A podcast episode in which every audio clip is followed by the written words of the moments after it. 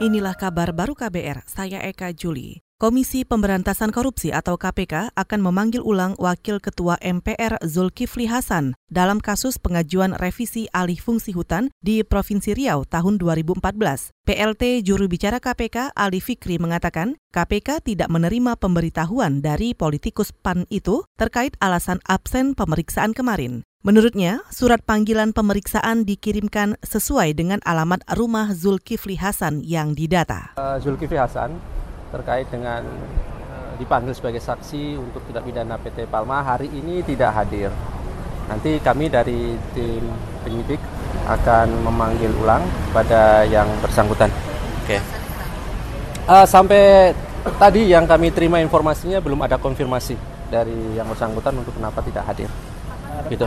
Ya tentunya nanti beri, uh, apa beberapa beberapa minggu apa berapa hari ke depan nanti baru kita akan uh, dipanggil ulang Pak Juru bicara KPK Ali Fikri juga menambahkan, Zulkifli Hasan diperiksa terkait jabatannya sebagai Menteri Lingkungan Hidup dan Kehutanan periode 2009-2014. Sebelumnya, KPK juga menetapkan tiga tersangka terkait pemberian hadiah atau janji pengajuan revisi alih fungsi hutan di Riau kepada Kementerian Kehutanan pada 2014.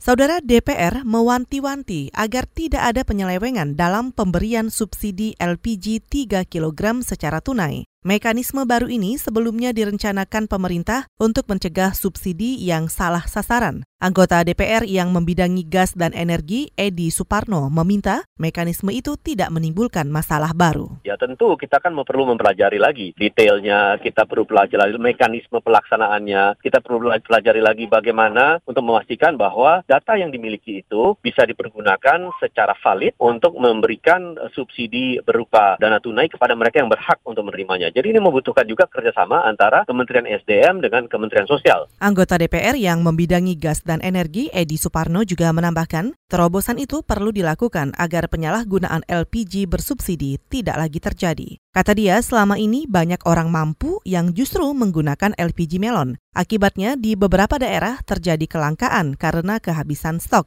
DPR akan mengundang Kementerian Energi dan Sumber Daya Mineral untuk membahas mekanisme ini secara lebih komprehensif.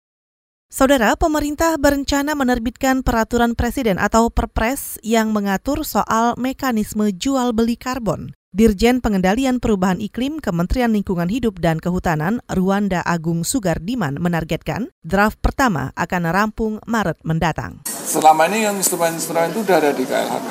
SRN sudah ada, MRV sudah ada, ICER sudah kita buat ininya, regulasinya tinggal kita aja di dengan regulasi ini yang baru tadi itu memperkuat bagaimana posisi-posisi yang sudah ada itu kita uh, jalan. Di internasional yang bisa melingkupi peristilahan ini semua yang mana namanya carbon pricing. Tapi kan itu harus di Indonesia kan mungkin kebijakan karbon Indonesia atau apa Dirjen Pengendalian Perubahan Iklim Kementerian Lingkungan Hidup dan Kehutanan Ruanda Agung Sugardiman juga menambahkan sedang mengkaji secara teknis mengenai sertifikasi penurunan emisi karbon yang dibutuhkan. Kata dia, nantinya perdagangan karbon ini dilakukan oleh pemerintah maupun swasta. Perdagangan karbon itu terjadi ketika negara-negara maju hingga pelaku bisnis penghasil emisi memberikan kompensasi kepada negara pengelola hutan atau penyerap karbon. Kompensasi diberikan untuk mengganti rugi atas kerusakan lingkungan yang dilakukannya.